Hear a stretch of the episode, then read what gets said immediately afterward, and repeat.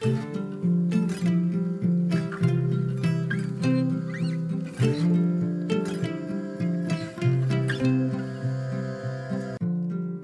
och välkommen till For Health med Anna Sparre. Idag ska vi prata om det bortglömda ämnet litium i en intervju med mannen som vigt sitt liv åt att plocka fram sanningen om det, Per-Johan Fager. Du kommer idag att förstå hur viktigt detta spårämne är för oss och våra kroppar. För allt från att förebygga sjukdom till att hålla uppe våra energinivåer och göra oss mentalt välmående. Och ändå pratas det så lite om det och väldigt många verkar ha brist på det. Om du är nyfiken efter avsnittet så hittar du mer information på forhealth.se. Och om du gillar det här avsnittet så blir jag jätteglad om du vill dela med dig av det, till exempel på Facebook, eller tipsa en vän om det. För ju mer du lyssnar och delar avsnitten och dessutom recenserar dem i iTunes, desto bättre går det att hålla podden levande så att du kan få en massa gratis information och få lyssna på så här intressanta intervjupersoner. Stort tack på förhand! Och missa inte att du också kan boka mig som föreläsare. Jag föreläser till exempel för företag och privata grupper. Idag ska vi prata med Per-Johan Fager som är författare och expert på mineralet litium. Han kommer att få berätta mer om sig själv alldeles strax. Men du kan tro att det här blir en intressant intervju. Per-Johan har massor med intressant kuriosa och spännande forskning att dela med sig av. Så häng med idag!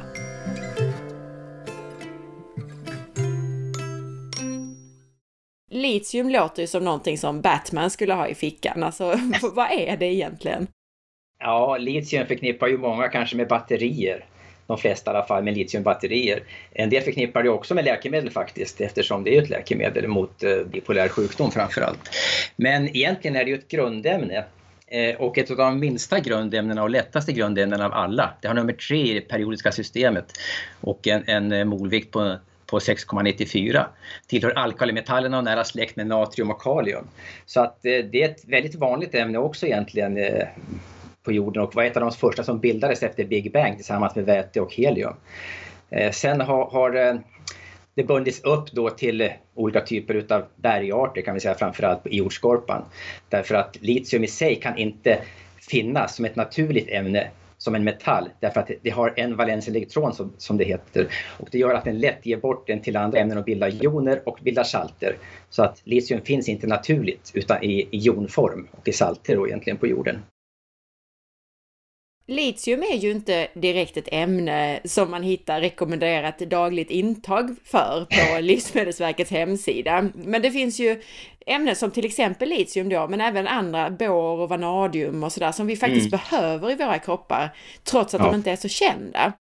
Ja. Och vad har litium för funktion i kroppen? Ja, litium hör ju till de ämnena som, som som sagt inte finns på någon lista över de ämnen vi behöver. Och eh, det finns ju många så kallade spårämnen som har den som, inte finns liksom som erkända ämnen. Eh, funktionen litium har i kroppen kan man säga att det är som ett balansämne om man skulle förenkla det hela väldigt mycket. Eh, egentligen så är det så att det påverkar en massa olika processer. Närmare hundra olika enzymer påverkar det utav de är, så är, ja, 20 stycken proteiner eller enzymer som, som har med transkription utav gener att göra. Eh, och ska man gå ännu djupare på det hela så vad litium gör är att det hämmar två specifika enzym. Ett som heter GSK3 och ett som heter IMPAS. Och GSK3 står för glykogensyntas kinas 3 eh, och IMPAS för inositolmonofosfatas. Eh, och de här båda enzymerna, framförallt GSK3, är så kallade konstitutionella enzymer som finns i alla celler i kroppen och i allt levande också de har funnits sedan, ja, sen livets begynnelse och, och följt med i evolutionen och har väldigt viktiga funktioner i kroppen.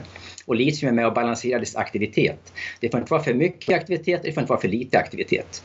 Så att eh, det är ett balansämne, ett essentiellt balansämne om man uttrycker sig på det viset. Och nu har vi ju inte pratat om dig ännu. Hur, hur väcktes ditt intresse för litium? Alltså, vem är du och, och hur kommer detta sig? Ja, det kan man fråga sig. Alltså, jag har ju jag är utbildad in, in, inom biologi och kemi från Uppsala då en gång i tiden. Men jobbat inom eh, medicinindustrin och framförallt inom medicinteknik och in vitro-diagnostik eh, stora delar av mitt liv. Eh, och framförallt inom in vitro-diagnostik som innebär då att man analyserar alltså hormoner, proteiner och en massa olika ämnen i blod och i andra vätskor och även ser på mikrobiologiska preparat och analyserar dem. Så har jag ju fått en väldigt ja, insikt i en massa olika sjukdomar och vilka markörer som, som då är viktiga för de här sjukdomarna. Eh, det här har jag liksom tagit med mig och jobbat med ganska mycket efter jag slutade i den här branschen. De senaste tio åren har jag haft ett eget bolag som ja, jobbar med lite det jag tycker är roligt och viktigt. Va? Och det är att hjälpa andra att må bättre bland annat. Eh, det här innebär att jag läser väldigt mycket vetenskapliga artiklar om det ena och det andra. Och jag råkade faktiskt då 2009 på hösten snubbla över en artikel som handlade just om litium. Eh, som väckte mig intresset för litium och det var en artikel som var gjord av en japan som hette Ogami. Och eh, han hade tittat på vattnets innehåll av litium i förhållande till självmord. Och han såg då att där det fanns mer naturligt litium i vatten, för litium finns alltså löst i vatten, det finns i mark och vatten och alla, all, alla växter och djur. Eh, och där det fanns mer litium i vatten, där hade man lägre frekvens av självmord. Och det här tyckte jag då, det var väldigt märkligt. Hur, hur, hur kan det komma sig? Var, varför eh, är det så? Litium kände jag ju till då sedan tidigare i och med att jag har jobbat med analysera litium på kemiska laboratorier. Vi hade tester för det nämligen. För jag visste att litium måste man mäta hos de som behandlades med läkemedlet för man hade väldigt höga doser och man måste ligga inom ett visst terapeutiskt intervall så att man fick, inte fick biverkningar helt enkelt kan man säga. Så att eh, jag kände väl till det. Men jag förstod inte hur man kunde då med så låga nivåer som det fanns i vattnet se sådana här grejer. Så det, det väckte min nyfikenhet. Och I och med att jag jobbar med hälsa, då, hälsofrågor och sådana saker och jag skriver mycket bloggar, eller jag skriver artiklar om det här i olika frågor kring hälsa. Va? Så, så tyckte jag det här var intressant att skriva om, om också. Då. Så jag började titta lite mer på det hela. Och såg då en referens i den här artikeln från 2009 eh, från en referens från 1990. Alltså 19 år tidigare. Och eh, den sa samma sak egentligen. Det var gjort av en som heter Schrautzer, professor Schrautzer då, som gjorde det här i Texas. Den hade tittat på 24 olika counties i Texas och innehållet utav litium i det kommunala dricksvattnet och fick, hade samma resultat som Ogami fick 2009. Schrautzer såg också då att ju mer litium man hade, ju mindre våldsbrott var det, våldtäkter, droganvändning och så vidare. Så alla de här sakerna som har med kan säga, mentalt välmående att göra och att man mår bra överhuvudtaget, de var lägre i de områden där man hade lite mer litium i dricksvattnet. Så det här sa jag, wow, och skrev en liten bloggartikel om det då. Eh, som som eh, svar på liksom, vad, man skulle, vad litium kunde vara bra för, som en ny grej. Men jag tittade vidare på det här också, för det här var ju liksom mer, så jag har grävt väldigt, väldigt mycket eh, kring litium och vi kommer väl in på det lite längre fram kan jag tänka mig, vad, vad man kan ha litium till och vad det är bra för och vad litteraturen, den vetenskapliga litteraturen säger om litium. Absolut, det ska vi göra. Mm. Det du säger här då egentligen är att det är ganska välkänt att man kan använda litium i lite högre doser som en medicin, men det som du nu har plockat fram information om är just det här att den låga doserna av litium, hur viktigt det kanske kan vara också för oss. Ja, precis.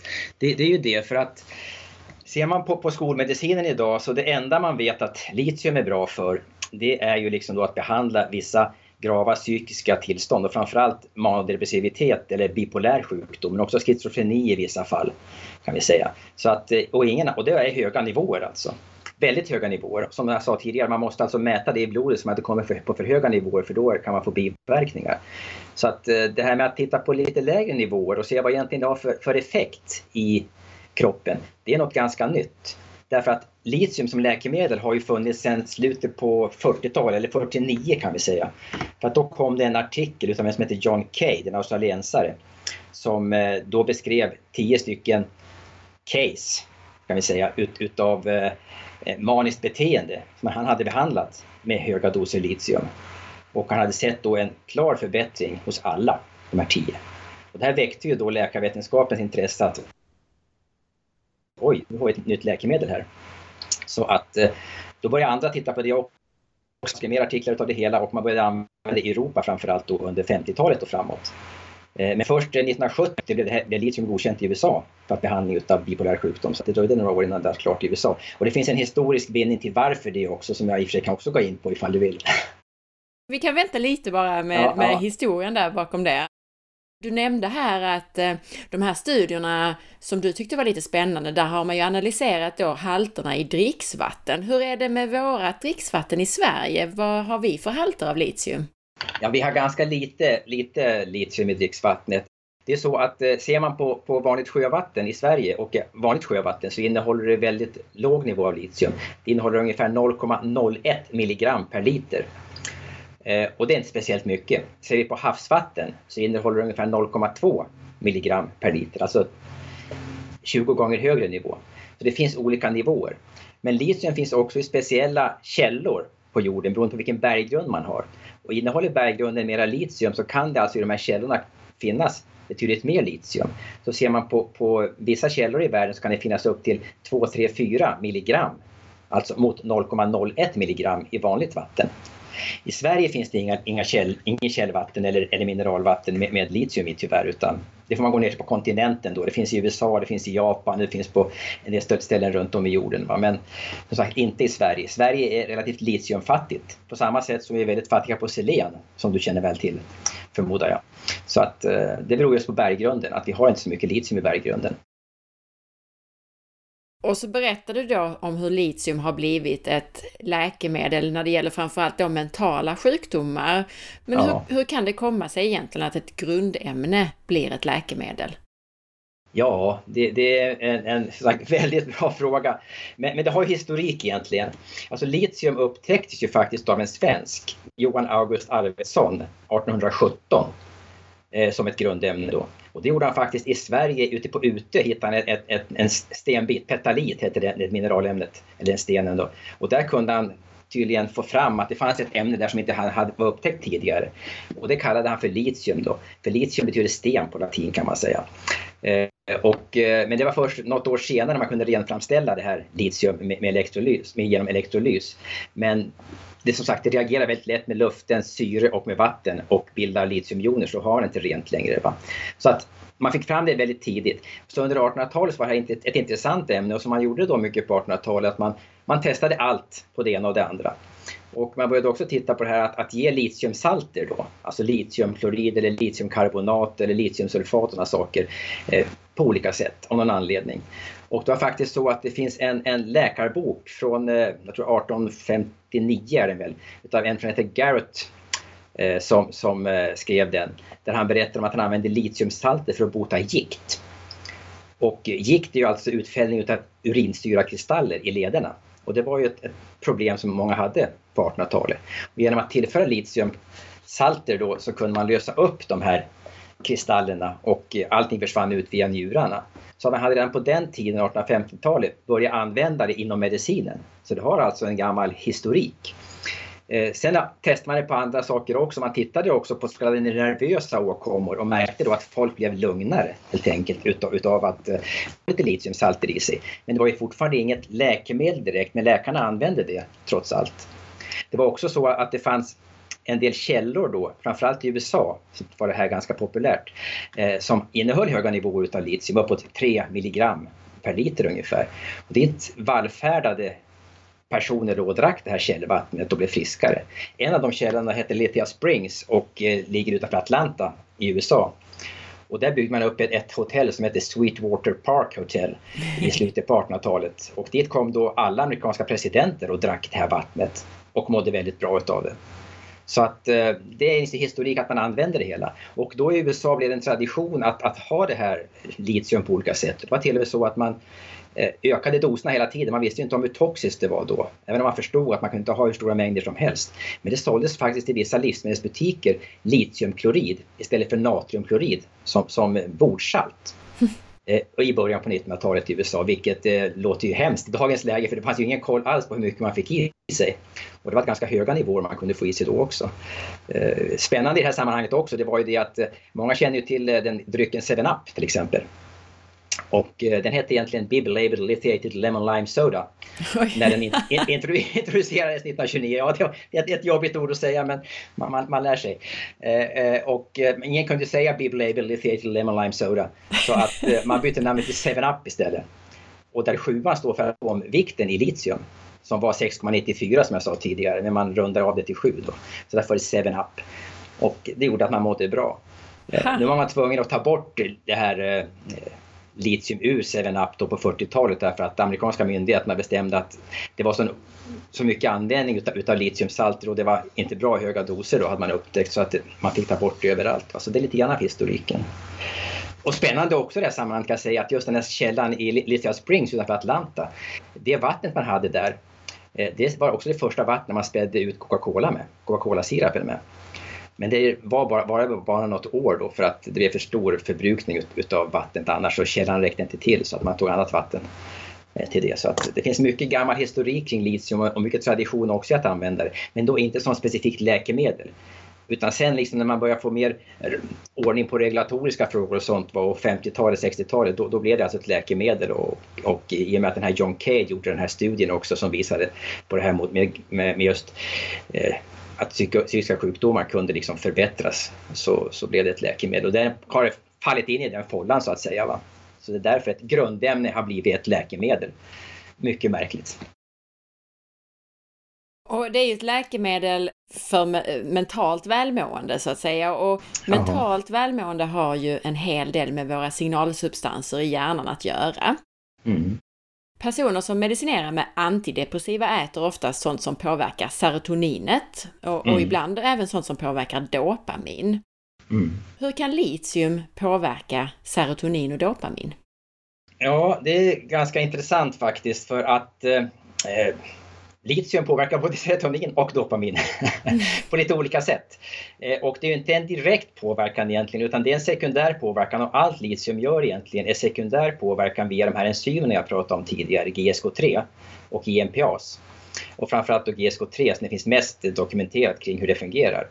Eh, och det är nämligen så att, att eh, med ett extra tillskott på litium så får man en ökad utsöndring av serotonin. Serotonin är ju ett ämne som ju bildas i, i magtrakten egentligen då, och serotonin finns på många ställen i kroppen, det förs upp till hjärnan då också. Och eh, det där har det, är det som signalsubstans men det har också sagt många andra funktioner i kroppen.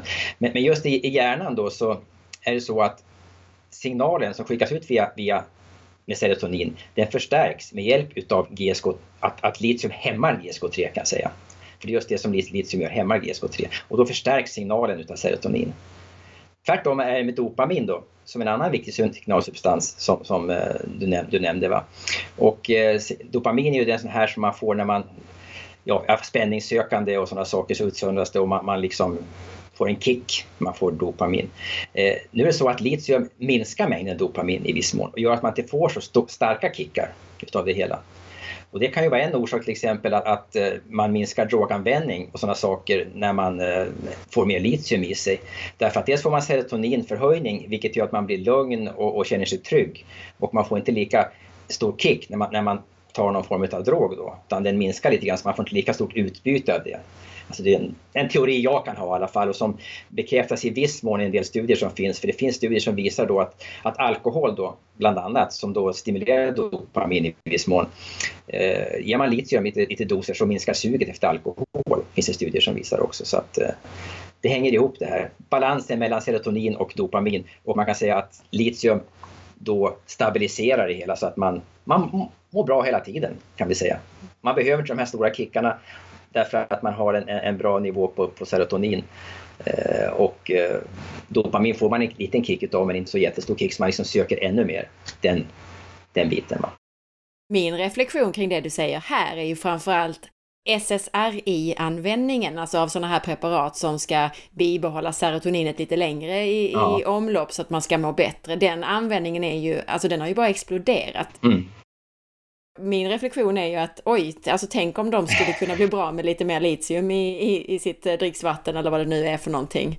Ja, det är mycket möjligt. Nu finns det inga sådana studier där man har jämfört SSRI-preparat med litium.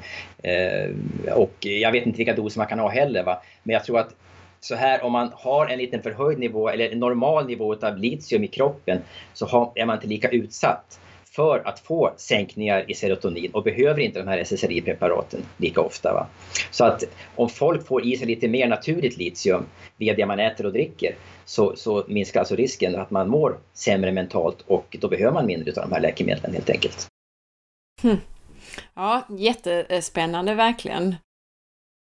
Litium kan ju användas för så mycket mer än mentalt välmående, vilket vi ska prata mer om alldeles strax. Men för att förstå varför litium är så okänt så kanske vi behöver förstå bakgrunden, alltså historiken kring litium bättre. Och du berättade ju redan lite grann om hur man använde litium på slutet av 1800-talet och sådär.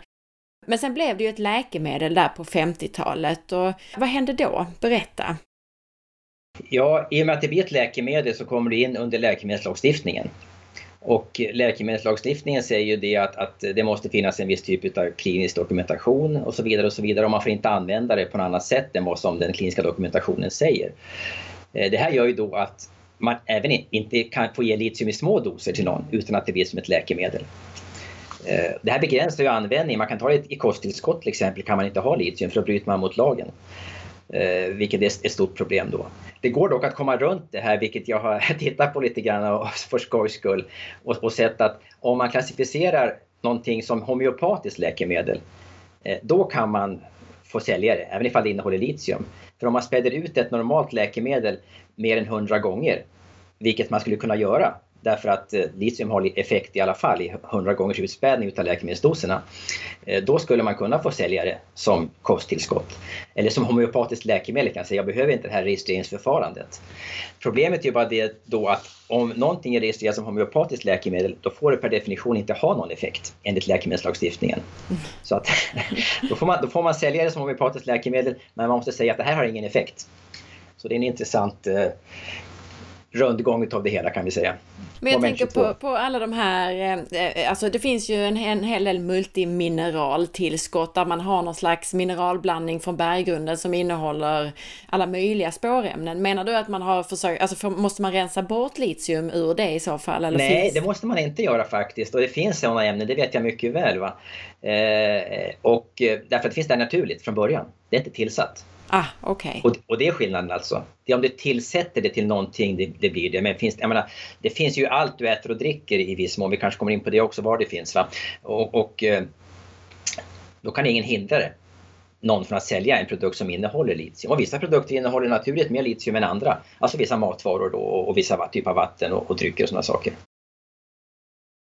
Men berätta då, alltså vad är litium bra för förutom för det mentala måendet? Ja, det är faktiskt väldigt många olika saker och väldigt varierande saker också. Jag vet inte var jag ska börja tänkte jag säga. Men, men eh, ja, när jag gjorde mina egna studier så, så upptäckte jag då att eh, eh, det fanns studier redan från 1969 faktiskt som visade att i de områden, återigen där man hade mer litium i dricksvattnet, där hade man mindre frekvens av död i hjärtinfarkt. Och det kan man undra, hur hänger nu det här ihop då? Hur kan hjärtinfarkt och, och, och litium hänga ihop? Det har jag svar på strax också. men, men, det visade alltså då att i de områden med, med högst, det var en studie från 69 som heter WARS, som gjorde det, som tittade på de 99 största städerna i USA. Alltså det var en väldigt massa människor som låg med i den här studien. Och eh, där mätte man då litiumhalten i, i dricksvatten, men mätte också kalciumhalten och lite andra mineralämnen. Man såg framförallt litium i de områden med mer litium, de 14 städer med mest litium. Där såg alltså man en, en nästan 30-procentig lägre frekvens av död i hjärtinfarkt kontra de med, med, med lägst nivå av litium i dricksvatten. Och det här var ju också någonting som var sensationellt alltså. Men då på 1960-talet, slutet på 60-talet, början på 70-talet, då pratade man ju bara om kolesterol och kolesterol som skulle vara så farligt för, för hjärtinfarkt var orsaken till hjärtinfarkt. Så att det här försvann ju helt i, i, liksom i, i debatten. Och nu när man har fått en mer nykter syn på kolesterol så, så kanske det kommer tillbaka med litium och ja, det är viktigt. Och orsaken till det, det är egentligen att litium påverkar inflammationsgraden i kroppen också. Vårt, vårt nedärvda, nedärvda immunsystem. Så att eh, det gör då att när vi blir triggade, man får en hjärtinfarkt, hjärtinfarkt beror ju på att, att man får en inflammation i blodkärlens innerväggar som sen ska läkas på, på olika sätt. Då. Och där då, i, i och med läkningsprocessen lagras det ju in både kalk och kolesterol och sådana saker. Va? Men litium gör att den här processen inte blir lika intensiv helt enkelt. Inflammationsgraden i kroppen minskar, finns det studier som visar. Det finns många sådana djurstudier som visar att litium påverkar just inflammationsgraden. Så det kan förmodligen ligga bakom det här att de som får lite mer litium i sig eh, får helt enkelt lägre inflammationsgrad i kroppen och då har man mindre risk för hjärtinfarkt. Man kan ju få hjärtinfarkt ändå, även om man får litium i sig naturligtvis, men, men det minskar risken och därför ser man de här skillnaderna mellan, i populationerna då i sådana fall. Så det är en sak som litium eh, kan, kan göras med studier på. Sen är det något som också är väldigt intressant och det är diabetes. Eh, och eh, det är nämligen så att det här GSK3 som jag nämnde, enzymet som litium hämmar, det står för glykogensyntas kinas 3 som jag också sa tidigare. Och det var så man kom på det en gång i tiden och det här glykogensyntas kinas 3 det var ett enzym man upptäckte så sent som 1980 med som Dennis Rylett bland annat och Philip Cohen och, och Noor Emby heter de tror jag från Dundee University som kom på det här, det här enzymet. Då. Och det har till uppgift, normalt sett GSK3, att, att se till så att eh, processen för att binda in glukos i blodet i cellerna och bilda glykogen fungerar mer eller mindre bra. Och eh, när GSK3 är aktivt, då kan inte det här glukos omvandlas till glykogen i cellerna. Och det här innebär då att man får en för hög nivå av glukos ute i blodet. Därför cellerna kan, bara ta, kan inte ta upp glukos omvandlat till glykogen.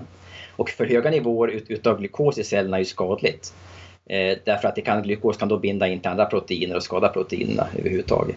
Så att har man för hög aktivitet ut, utav glykogensyntas kinas, då, då, då eh, fungerar inte helt enkelt det här på rätt sätt. Men litium är där och bromsar upp GSK3. Och det gör det tillsammans med insulin också. Så att insulin och litium tillsammans gör då att vi lättare kan plocka upp glukos från blodet och omvandla det till glykogen och lagra det i cellerna. Så där finns det en väldigt intressant effekt av litium också. Eh, och det här har man tittat på faktiskt. Eh, inte så många studier, men det finns en del studier på hamstrar faktiskt och också några på, på människor som visar precis det, att ger man lite extra litium då förbättras glukosnivåerna klart hos diabetiker alltså. Men det här vill man inte heller se på in, inom den ja, skolmedicinen om jag säger så, för där finns ju en jätteindustri med, med diabetesläkemedel mot både diabetes, diabetes 2 och diabetes 1, alltså insulin och, och även tabletter då, metmorfin, eller met, som, som det heter. Va? Så att eh, litium om man har normal nivå av litium så har man alltså lättare att upprätthålla en bra glukosbalans i kroppen kan vi säga. Det är en, en, en till av de saker som litium gör. Va? Men det finns ännu fler saker. Det kan jag tänka mig. Jag tänkte för att med tanke på det du sa här om att eh, det dämpar inflammation. Jag menar nästan alla våra välfärdssjukdomar är ju kopplade till inflammation. Jag tänker alla autoimmuna sjukdomar, mycket av all den där verken som, som personer går omkring med är kopplat till inflammation. Det finns ju en koppling till cancer och demenssjukdomar och allt möjligt. Det är alldeles riktigt som du säger. Va? Och eh, det är ju ett eh, gigantiskt problem med inflammation så att säga och många saker som orsakar inflammation och, och kroppen kämpar mot det hela tiden. Va? Kan säga, att minska inflammationsgraden. Och du nämnde en sak här, demens, eh, som sagt Jag vet inte om jag ska gå in på det också. Gör det. Därför, Eh, där finns det också en del mycket intressanta studier och eh, framförallt då på Alzheimers. Och, och, och, det här är ju lite kontroversiellt då för att, att eh, Alzheimers är en, en, en, sjukdom där läkemedelsföretagen satsar väldigt mycket pengar idag för att kunna hitta på läkemedel. För man ser att det här är en växande marknad som man kanske uttrycker det. Va?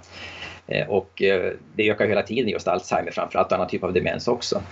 Men litium har man då sett i studier har en, även i väldigt små doser har en väldigt positiv effekt på det kognitiva tillståndet.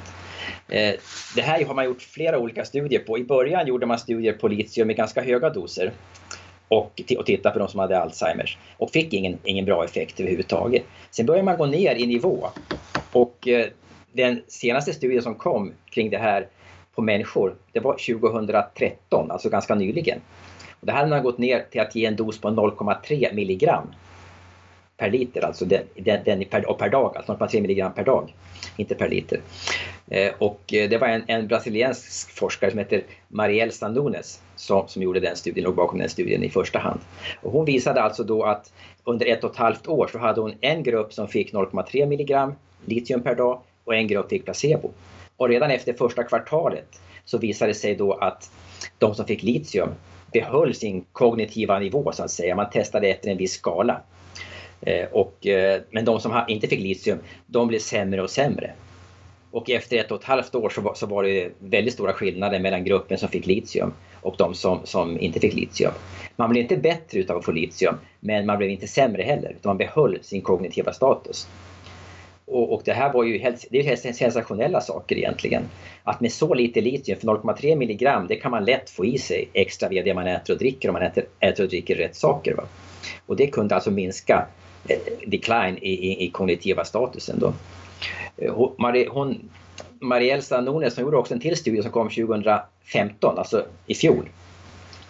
Och eh, där tittade hon inte på människor, hon tittade på råttor. Därför hon ville se ifall små doser av litium kunde förebygga Alzheimers. Det man gjort på människor var ju de som hade diagnosen Alzheimers redan. Så att då börjar man alltså titta på olika råttor med olika, olika grupper och en av grupperna fick då ingenting. Och det var en grupp råttor förresten som var genetiskt predisponerade för att få Alzheimers. Man visste att man får alltid Alzheimer, den här, den här typen av råttor. Eller ska säga Alzheimers liknande symptom då. Man kan ju inte säga att en råtta får Alzheimers inte. Eh, men samma symptom alltså. Både biokemiska och, och, eh, kognitiva symptom som man kunde mäta då. Och så gav man det redan från födseln den här gruppen Eh, en grupp då litium också i samma nivå som man hade gett till människorna i princip. Och man såg då att de som fick litium, de utvecklade inte Alzheimers trots att de var predisponerade för att få Alzheimers. Eller Alzheimers liknande symptom. Och de som inte fick något litium, de fick sjukdomen då. Och det här är ju också rent sensationellt att man kan alltså förebygga kognitiv decline eller nedsättning av kognitiva funktionen med hjälp av lite tillskott på litium, små mängder. Så att eh, det här är, har inte alls väckt någon uppmärksamhet i pressen överhuvudtaget. Därför att ingen känner ju till litium och vet vad det är bra för och ingen vågar prata om det heller. Man tror att det är lite hokus pokus. Och orsaken till det här vet man faktiskt också nu egentligen. Det visste man faktiskt innan Nordnes gjorde sina försök. Därför att eh, återigen är det GSK3 som jag pratade om tidigare som, som är med och spökar. Och det är så att orsaken till Alzheimer är ju framförallt att man får ansamling av så kallade amyloidplack, amyloid beta-plack och även så kallade tau tangles. Och eh, att de klumpar ihop sig beror på att de fosforyleras som det heter. Det finns in fosfatgrupper till dem och det är något som GSK3 gör. GSK3 sätter alltså dit fosfatgrupper på, både på, på, på beta-amyloid och på tau. Men om man då har litium närvarande så bromsas aktiviteten utav GSK3. Så de kan inte sätta dit eh, de här fosfatgrupperna och det kan inte bli de här hopklumpningarna lika lätt. Så det är en av anledningarna till att man rent biokemiskt kan se att litium har en effekt på de eh, ska säga, ämnen som bildas och som, som är ett tecken på Alzheimers. Sen finns det också en annan viktig funktion som vi kanske kommer in på också och det är det att eh, litium eh, påverkar också så kallad autofagi. Mm. Och autofagi, eh, det är ju ett eh, högt intressant, intressant ord just nu i och med ja. att Nobelpriset i medicin 2016 handlade just om autofagi. Jag skrev precis ett inlägg om det, men du får nu kort ändå sammanfatta vad det är för någonting för lyssnarna. Ja, eh, autofagi det är alltså den process i cellerna som städar bort skräp helt enkelt. Sånt som inte fungerar. Och eh, om den processen inte fungerar så att säga, då kommer cellerna att dö. Därför att de blir dysfunktionella helt enkelt. De fungerar inte. Men har man en bra process, autofagiprocess i kroppen då kan man alltså det, dammsuga upp skräpet och föra ut dem ur cellerna om man bildligt ska tala, säga på det viset. Va? Och det var det som den här nobelpristagaren eh, fick eh, nobelpriset för, den här japanen då. Så att eh, eh Yoshinoro Oshumi hette han väl här för mig. Eh, så att eh, han visar hur den processen gick till. Det pratas inte om litium någonting i det här sammanhanget när han fick Nobelpriset. Va? Men man har alltså sett att litium stimulerar autofagi då, eh, på olika sätt och ser till att, att det, den processen fungerar bättre. Och det kan också vara fallet då när det gäller, gäller demenssjukdomar eh, som Alzheimers, att de här ihopklumpade proteinerna som är dys dysfunktionella, de måste ju ut ur kroppen, ut ur cellerna på något vis, annars dör ju cellerna. Och i och med att litium stimulerar den processen också så hjälper de till att först forsla bort de här dysfunktionella proteinerna. Så både genom att påverka GSK3 och se till så att det är mindre fosforylering som gör att det blir mindre ihopklumpning och bortförsel utav det som har klumpats ihop hjälper litium till med. Så teoretiskt sett på många olika sätt. Och det mycket intressanta är då att hon, Mariella Nunes, har visat det också i klinisk praxis i de studier hon har gjort på människor. Så det här är otroligt, otroligt intressant tycker jag. Men återigen, ingen uppmärksamhet alls från massmedia kring det här. Nej, och jag tänker också på en annan sak. Om det nu är så att litium stimulerar autofagi, alltså autofagi forskas det ju ganska mycket på kopplat till åldrande. Mm. Så det borde ju också vara ett sätt eh, för litium att faktiskt hålla oss yngre. Precis som den, de där eh, presidenterna som drack det här litiumrika vattnet säkert ja. kände sig lite yngre. Jo, det har du helt rätt i och, och eh, det är många som har sagt liksom att det finns något som kallas för ungdomens källa. Säger att vissa mineralvattenkällor kallas för ungdomens källa och man tror väl det att de innehåller litium de här källorna då, som man benämnde på det viset. Du har ju dessutom nämnt för mig att litium kan påverka immunförsvaret och, och förkylningar. Alltså berätta lite om den biten. Ja, det är också väldigt in, in, intressant alltså hur, eh, hur man gjorde det och det är faktiskt någonting vi har kommit på, eller kommit, jag har inte kommit på det, men som jag har upptäckt då när jag fortsatt att studera litium, litiums effekter på senaste året. Då. Och det visar sig att, att det finns alltså studier både vad det gäller virussjukdomar och bakteriella sjukdomar som visar att ett tillskott på litium gör att man blir mindre ska säga, mottaglig för både virussjukdomar och eh, bakterie, vissa bakteriella sjukdomar. Det gäller allt ifrån hiv faktiskt, HIV, och eh, tuberkulos om man ser på bakteriesidan. Då. Eh, exakt hur det här går till finns det inte några riktigt bra beskrivningar på men förmodligen beror det på då hur litium kan balansera, om jag säger så återigen ordet balansera, immunsystemet och, och dess eh, effekt. Va? Och de celler som finns där och även då autofagiprocessen i viss mån också.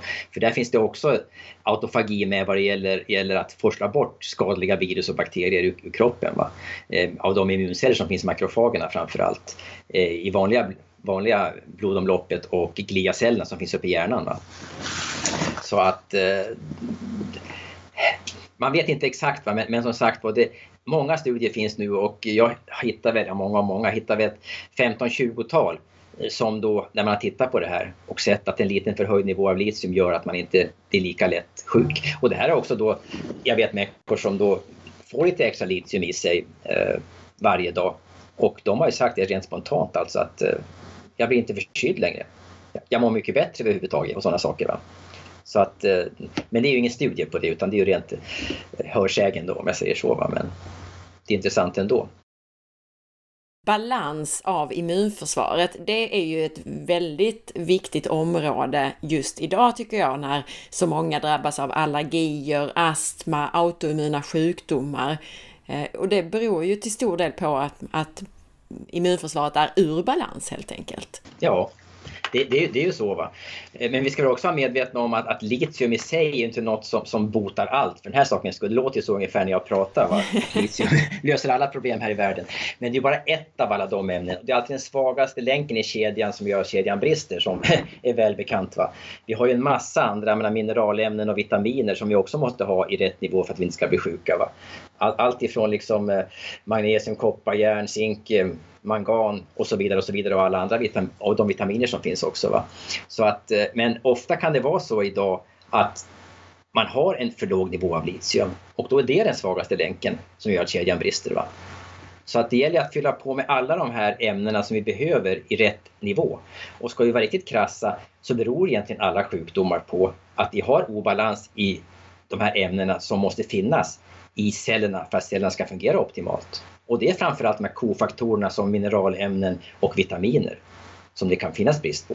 De stora makronäringsämnena som fett, eh, proteiner och, och kolhydrater, de får vi oftast i oss tillräckligt utav. Men just den här, de här andra ämnena, där litium är ett, eh, kan vi få brister på och då kan vi bli sjuka, få en massa konstiga sjukdomar.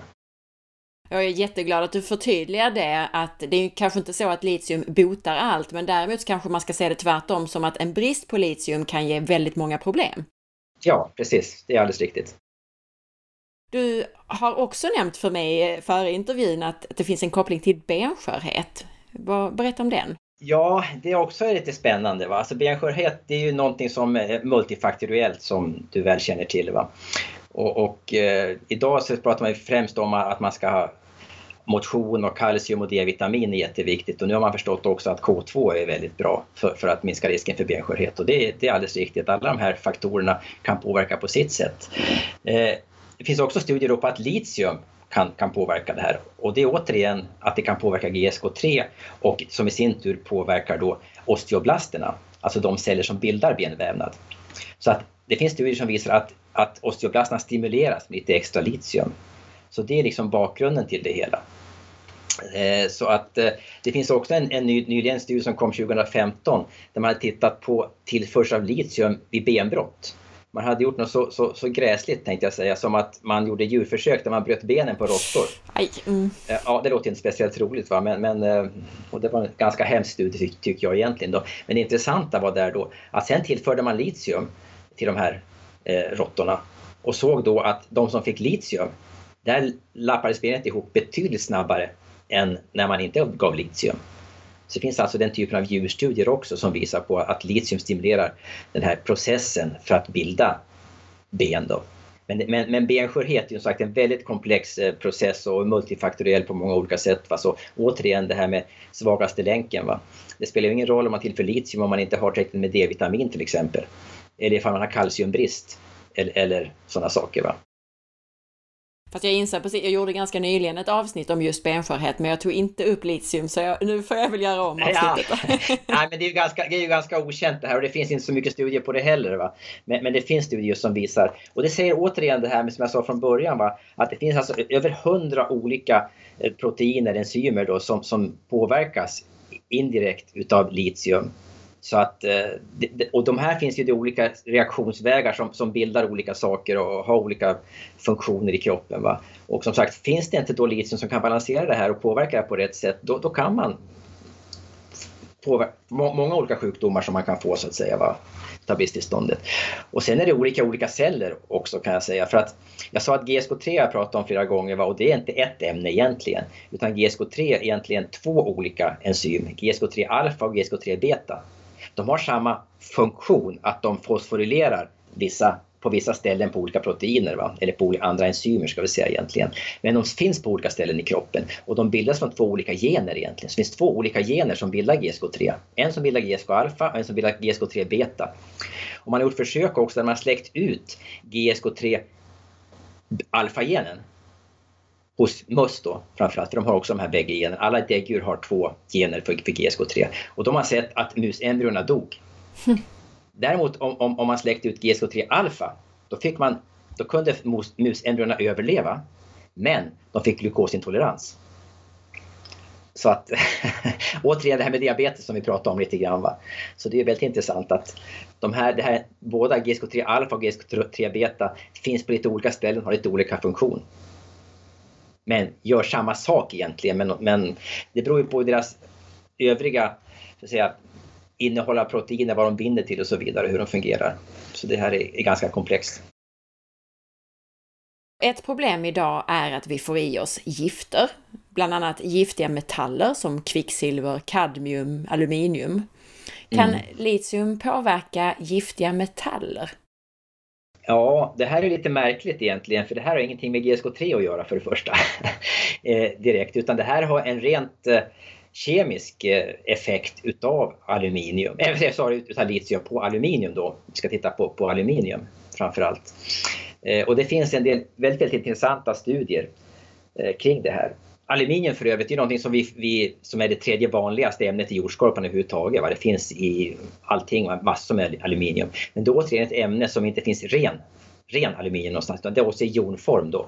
Och aluminium ska ha en Al3+, har tre positiva laddningar i sig. Och det gör det att aluminium kan korsbinda proteiner i de här tre olika laddningarna. Så kan det, kan det binda till, till med elektrostatiska krafter, kan det binda in till tre olika proteiner och hålla ihop dem.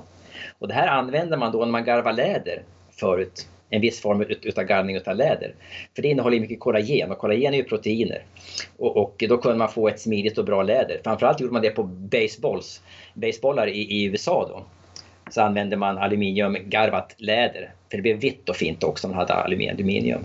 Och eh, nu var det så att, att eh, en eh, finlandssvensk eh, biokemist som hette Johan Björksten, eller Björk, Björksten, som flyttade över till USA 1936. Han började titta på det här med litium och, och eh, aluminium och kunde se då att han tillförde en litiumklorid till det här lädret som var garvat med aluminium. Då förstördes lädret helt enkelt. Det löstes upp och aluminiumet försvann. Så han kunde alltså se då i, i lädret på basebollar att litium trängde ut aluminium. Då kunde alltså inte de här kollagenen hållas ihop längre för litium var bara en plusladdning och en plusladdning kan liksom inte hålla ihop någonting utan må, men har man flera plusladdningar på en jon då kan det hålla ihop på olika ställen. Va? Hoppas ni, ni är med i mitt resonemang. Mm, mm. så att eh, då kunde han se på, och på 40-talet beskrev han det i några vetenskapliga artiklar, hur litium kunde tränga ut aluminium. Eh, och det är ju synnerligen intressant för alla får i sig aluminium som jag sa och det var ett, ett, ett vanligt ämne. Men det har ingen funktion i kroppen överhuvudtaget, aluminium.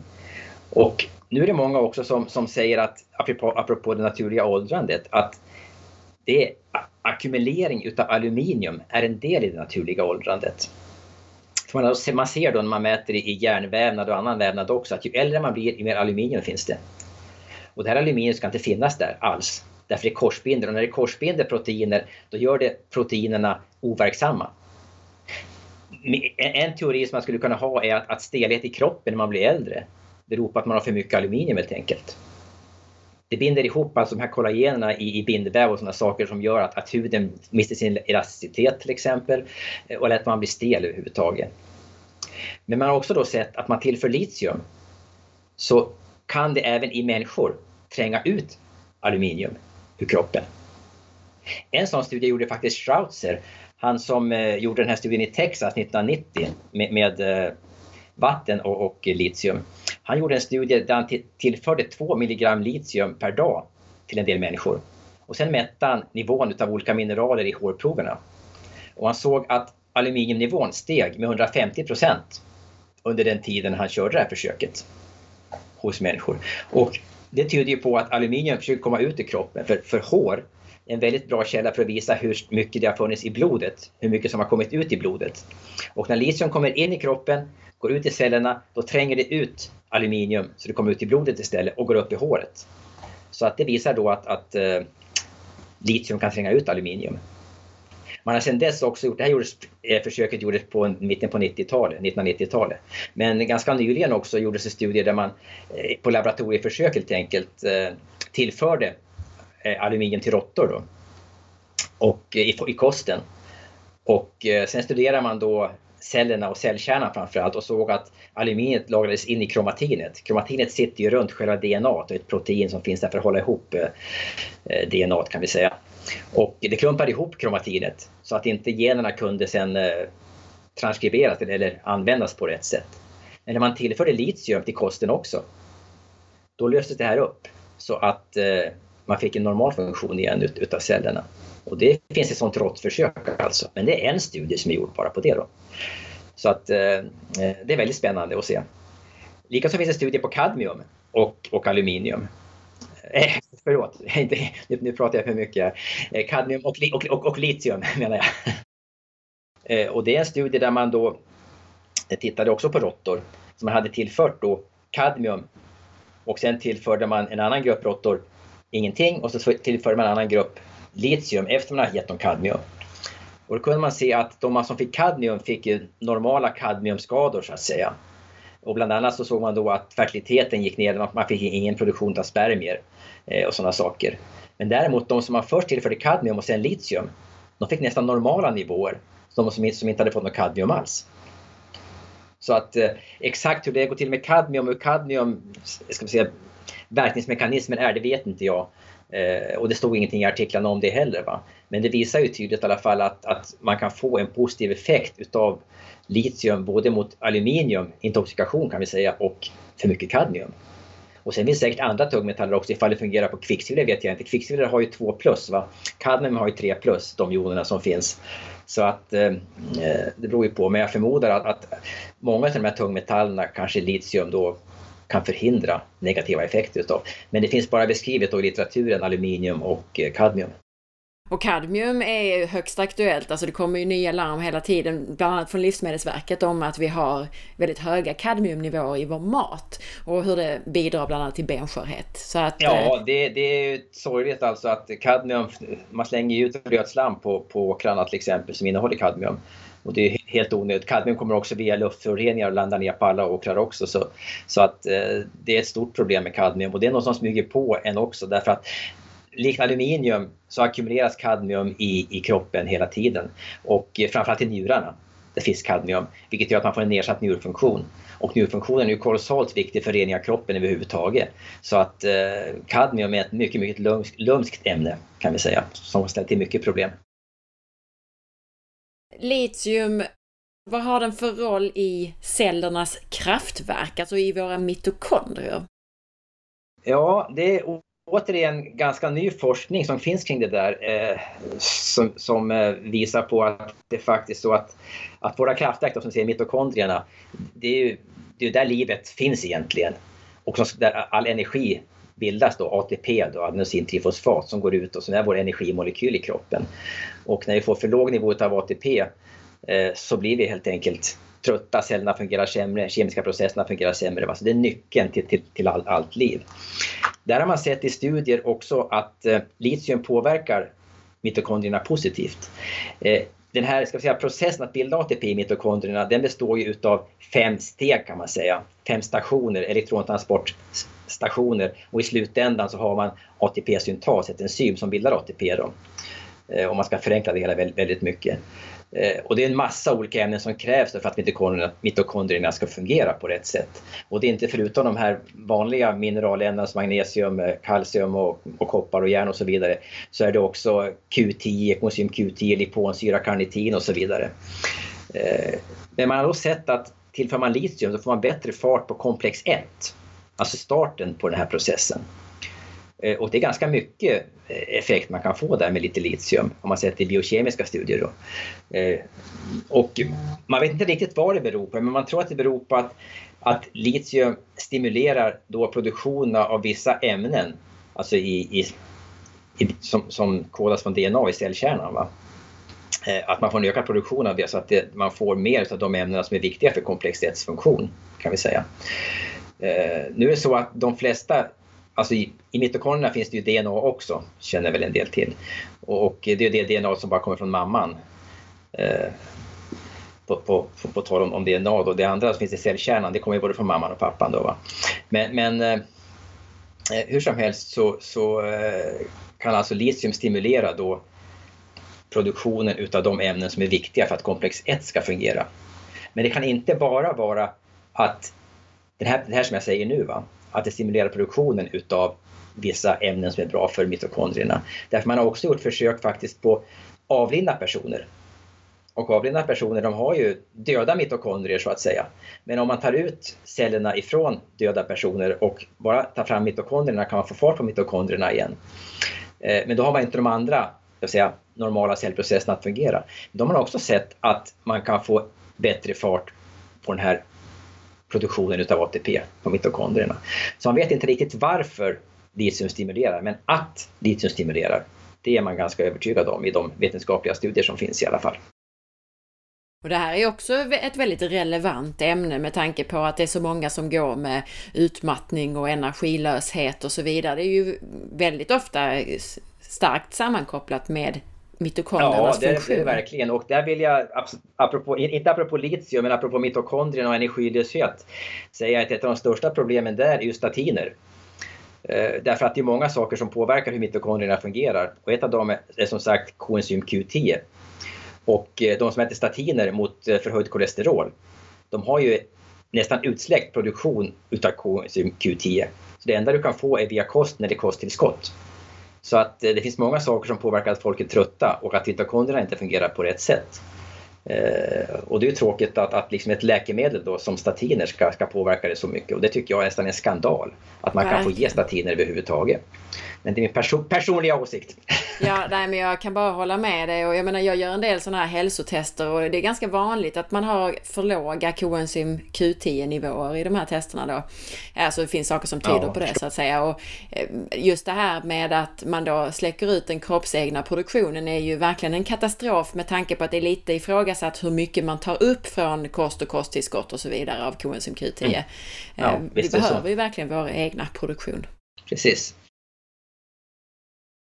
Vi ska komma in lite grann på det, det som säkert lyssnarna tycker är mest intressant, vilket är hur man får i sig det och sådär. Men eh, hur mycket, för det första, behöver man? Hur mycket litium ska man få i sig? Ja, det, det är så här att det finns en del studier som, som visar på hur mycket folk får i sig överhuvudtaget alltså. Eh, inte så många studier, men en del. Va? Och det varierar väldigt mycket var man befinner sig på jorden. Eh, och hur man har mätt kan vi säga också. Va? WHO påstår i en rapport från 1996 att de flesta får i sig mindre än 0,1 milligram litium per dag. Eh, andra säger att man får i sig mellan 0,01 till 2 milligram litium per dag beroende på var man befinner sig någonstans.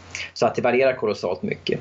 Men hur mycket man ska få i sig då? Schrautzer då, som jag nämnt flera gånger här, han, han påstår då att det bör räcka med 1 milligram per dag att få i sig ungefär. Och många kommer upp i den nivån beroende på vad de äter för någonting. Och många kommer inte upp i den nivån kan jag säga. Eh, skulle man få i sig 2, 3, 4 milligram per dag eh, så mår man inte illa av det. Men eh, enligt de här experterna då som har skrivit artiklar om det här så säger de att 1 milligram per dag ska vara tillräckligt. Och hur får jag då i mig litium? Ja, som sagt, jag har ju sagt det men vad man äter och dricker. Och framförallt är det då från eh, vegetariska produkter som innehåller eh, litium. Eh, man kan få i sig i viss mån från annat också men ser man på, på fisk och kött så innehåller det väldigt lite, framförallt vanligt kött då. Fisk innehåller lite mer litium. Det finns en, olika typer av studier på det man sett i innehållet va? men mest finns det faktiskt i något som heter glasört. Aha. Eller pickleweed på engelska. Eller Salcornia europea på latin om man nu vill skryta med det. Eh, och eh, det är något som växer faktiskt efter västkusten. Och som jag sa tidigare så innehåller ju havsvatten liksom ungefär 0,2 milligram litium per liter. Va? Så det finns ganska mycket litium i, i, havsvatten. Nu kan man inte dricka havsvatten för det finns så mycket salt i det så det, det, det kan man bara inte göra. Eh, men, men, växter som klarar av det här kan ta upp mer litium och det gör just den här glasörten då. Det går också under namnet havskorall tror jag och säljs i livsmedelsbutiker eh, som en grön liten eh, fin liten växt som man kan köpa som har blivit populär de senaste åren. Jag äter det en del gånger faktiskt och det är en liten extra krydda eh, som man kan ha på, på, man, på fisk till exempel. Då. Havskorall eller glasört eller pickleweed. Sen finns det också speciellt växtsläkte som innehåller mm, mer litium än annat som har lättare att ta upp litium från marken och det är växtsläktet Solanase. Och dit hör bland annat potatis, tomater, aubergine, Eh, eh, och eh, chili och sådana mm. saker.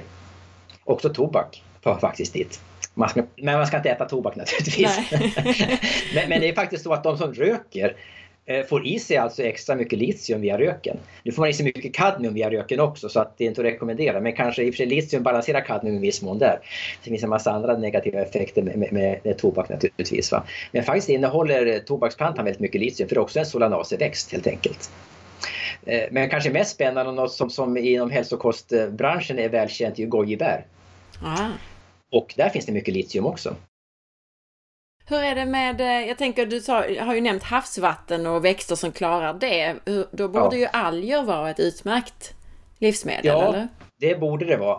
Tyvärr har inte jag hittat några bra analyser på alger och litium. Men det är helt rätt som du säger. Jag tror att det finns en hel del litium i, i alger. Och du kan, specifika alger kan du hitta mer litium i än andra va, beroende på hur de tar upp det hela. Och det är något som man äter i många länder, mycket alger. Som i Japan till exempel, det är ju algkonsumerande land. Och vi bör äta mer alger också tror jag för att det innehåller väldigt mycket mineral, viktiga mineralämnen och, och, andra ämnen också som är bra för oss. Men vi har ju ingen tradition i att äta alger här i Sverige egentligen. Nej, däremot så börjar ju folk eh, köpa sådana här algtillskott, spirulina, chlorella och sånt här. Ja, ja. Ha, ha, ha, kommer det från havsvatten så kan det innehålla mer. Odlar man det i vanligt eh, sötvatten så finns det mikroskopiska mängder utav, ja, utav litium där i. Va? Kan jag tänka mig. Ja. men, men, just från havsvatten kan det finnas mer. Men det vet inte jag faktiskt. Det finns inga, uppgifter jag har hittat. Jag letar efter det men inte hittat några uppgifter om det. Okej, okay, men så potatisväxter då, alltså inklusive tomater ja, och allt det här ja, då? kan man säga. En, något bra ur den vanliga, alltså konsumentens eh, skafferi. Men, ja, precis, och eventuellt alger och så de här men, örterna. Men, men, sen beror det också väldigt mycket på var det är odlat någonstans. Just det. Eh, och jag menar, har du en litiumfattig jord, då har du mindre litium än ifall du har en litiumrik jord. Så att det beror ju på det också. Och odlar liksom växthustomater från Holland som man odlar i, i glasull. Man häller på en näringslösning mm. och för att få fart på det hela va, så innehåller vi noll litium kan jag tänka mig. Men så det är de där örterna som är den säkraste kortet då, eller den säkraste ja, källan? Ja, mm. och sen finns det ju då en del mineralvatten också. Mm. Eh, men det finns ju väldigt få mineralvatten som innehåller litium och eh, i Sverige väldigt, väldigt få också. Det finns bara ett egentligen. Men, men eh, där kan man få det, litium också. Så att vanligt vatten i Sverige finns alltså väldigt, väldigt lite litium i så att det är ingen källa för litium direkt utan det får man mer via saker som man äter. Och så nämnde du också att det antagligen då finns naturligt så att säga i den här eh, blandningen som kommer från, alltså i, i mineraltillskott menar jag. Om det nu ja precis, en... precis. Det finns det säkert litium i också, definitivt alltså. Men man deklarerar ju inte det. Det, det finns, för att man, man tittar inte efter litium, man vet inte att det är viktigt. Därför tar man inte fram och, visar att det finns. Vilket är eh, lite märkligt tycker jag då som är senaste sex åren jobbat med, med litium och, och studerat det ämnet. Va? Men, men liksom, det är ointressant. Därför, därför marknadsför man inte att det finns litium. Men jag tror att det kommer att bli så framöver att fler och fler kommer mäta litium och berätta att det finns litium i, i matvaror som man har. Va? För att låta människor få välja själv ifall de vill äta det eller inte. Både när det gäller kött och fisk och, och även växter så, så måste det ju bero på var de här djuren har levt och var de här växterna har, har växt någonstans. Alltså vilka länder ska man helst äta från? Var finns det mer ja, litium? Det, är inte bara länder utan det är platser i länder också. Men ser man på länder i så finns det mest litium i världen finns det ju uppe i Anderna. Eh, I Bolivia, Chile, eh, norra Argentina till exempel. Så där har man ju väldigt mycket litium. Det finns saltsjöar, uttorkade saltsjöar som innehåller höga nivåer av litium och där utvinner man då litium industriellt då för batteritillverkning och sådana saker.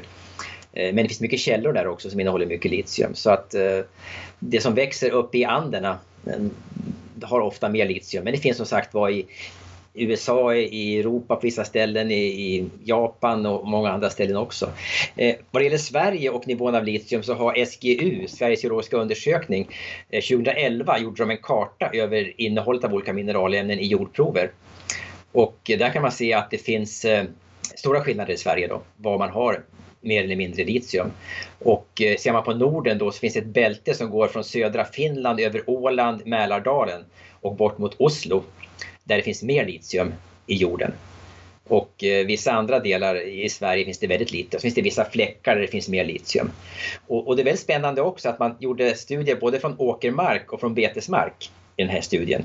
Och det visade sig att i betesmark så fanns det ungefär 50% mer litium i jorden än i åkermark.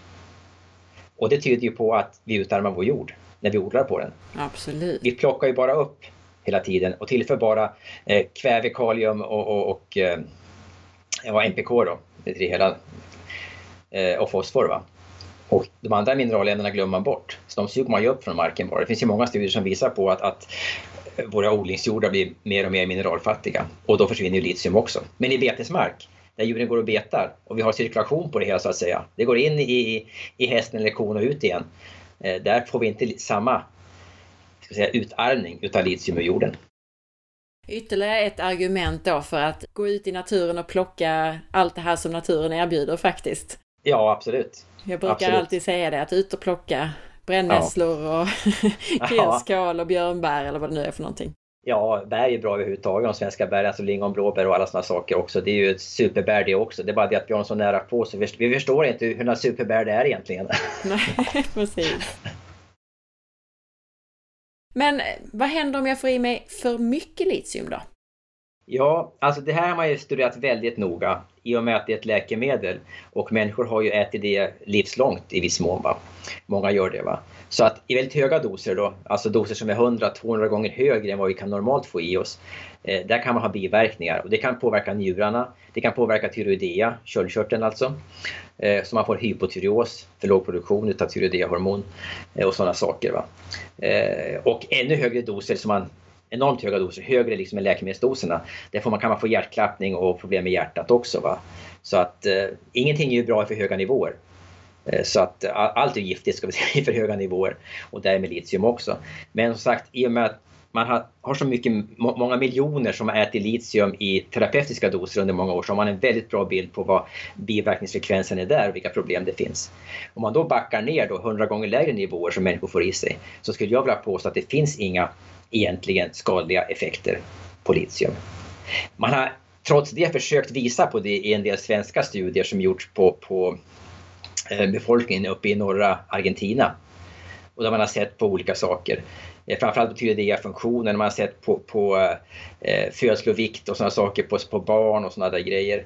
Och då påstår man att det finns ett litet samband, att ju mer litium man får i sig, eh, ju större risk skulle det vara då för tyreoidea-sjukdom och eh, ju, stö ju, ju, större problem skulle man kunna få vad det gäller födslovikt och sådana saker.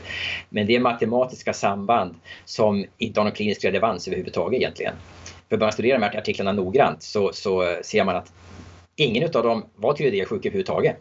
De här 200 kvinnorna som finns med i, den här rapporten till exempel. Och de hade, ingen hade nivån som var för låg heller utav tyroxin då, som är då det, det tyreoidea-hormon man mäter.